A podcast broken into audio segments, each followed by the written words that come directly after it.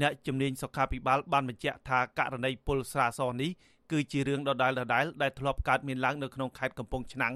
ក៏ចេះបាត់ដំបងហើយចុងក្រោយនេះគឺកើតមានឡើងនៅក្នុងខេត្តកណ្ដាលអ្នកជំនាញសុខាភិបាលរូបនេះថាករណីនេះបណ្ដាលមកពីការធ្វេសប្រហែសរបស់ស្ថាប័នពាក់ព័ន្ធប្រធានសមាគមគ្រូពេទ្យគុណធម៌កម្ពុជាលោកអ៊ូចវិធី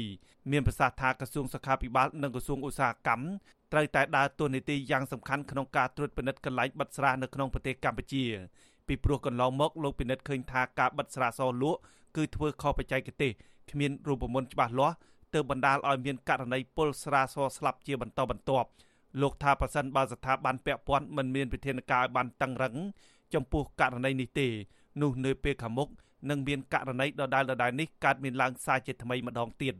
សូមឲ្យក្រសួងឧស្សាហកម្មហើយនិងក្រសួងសុខាភិបាលហ្នឹងអឺមានជំនាញដើម្បីចោះទៅមើលហើយយើងយើងវាយតម្លៃកន្លែងបិទស្រាហ្នឹងបាទបិទស្រាហ្នឹងត្រូវពេលណាដែលបិទហ្នឹងយើងមានជំនាញចុះទៅមើលហើយយើងស្ទង់មើលអាកុលវាជាតិប្រមាណវាប្រមាណហើយដាក់លាយអីខ្លះអាហ្នឹងខ្ញុំមិនយល់ច្បាស់ច្រើនទេអាហ្នឹងវាវាផ្សំរូបមន្តគីមីច្រើនណាស់តែបានធ្វើស្រាចេញមក ការលើកឡើងរបស់អ្នកជំនាញសុខាភិបាលនេះបានកើតមានឡើងក្រោយពីមានពលរដ្ឋចំនួន11នាក់បានស្លាប់ជាបន្តបន្ទាប់នៅថ្ងៃទី19ឧសភានេះដោយសារតែទទួលទានស្រាសនៅក្នុងពិធីបុណ្យសពមួយកន្លែងនៅក្នុងភូមិតាស្គរឃុំសារិកាស្រុកលវីអែមខេត្តកណ្ដាលអភិបាលខេត្តកណ្ដាលលោកគង់សុភ័ណ្ឌប្រាប់អាស៊ីសេរីតាមបណ្ដាញ Telegram ថាស្ថាប័នជំនាញបានរកឃើញថាមូលហេតុនៃការពុលស្រាសនេះគឺដោយសារតែមានជាតិមេតាណុលខ្ពស់ចន្លោះពី10.5 ទៅ10.7%ដែលលើសពីកម្រិតអនុញ្ញាតដែលមានត្រឹមតែ0.15%ប៉ុណ្ណោះទើបបណ្ដាលឲ្យអ្នកទទួលទានមិនអាចជួយសង្គ្រោះបាន។លោកបន្តថាវិធានការជាបឋមរបស់អាជ្ញាធរគឺបិទកន្លែងលក់ស្រាចំនួន11កន្លែងនៅកន្លែងផ្សេងទៀតមួយរយៈសិនដើម្បីរងចាំការស៊ើបអង្កេតបន្ត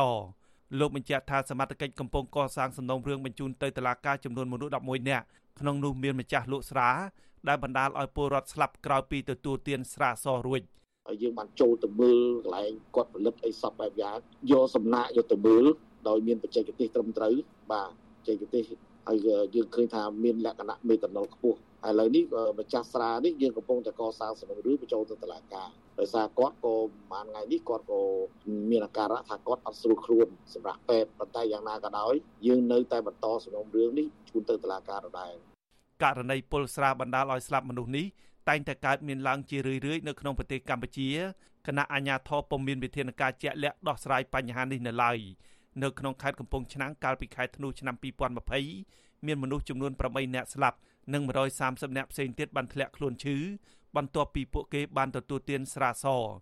ចំណែកនៅក្នុងស្រុកបរបោខេត្តកញ្ចេះមានមនុស្សចំនួន5នាក់ស្លាប់ដោយសារតែទទួលទានស្រាសនេះដែរកាលពីដើមខែតុលាឆ្នាំ2018ក្រោយមកទៀតនៅឆ្នាំ2020 មានពលរដ្ឋនៅស្រុកម៉ាឡៃខេត្តបន្ទាយមានជ័យចំនួន4នាក់ស្លាប់និង10នាក់ផ្សេងទៀតត្រូវបានសង្គ្រោះបន្ទាន់ដោយសារតែពុលស្រាថ្នាំចិនសែខ្ញុំបាទហេងរស្មី អាស៊ីសេរីពីរដ្ឋធានី Washington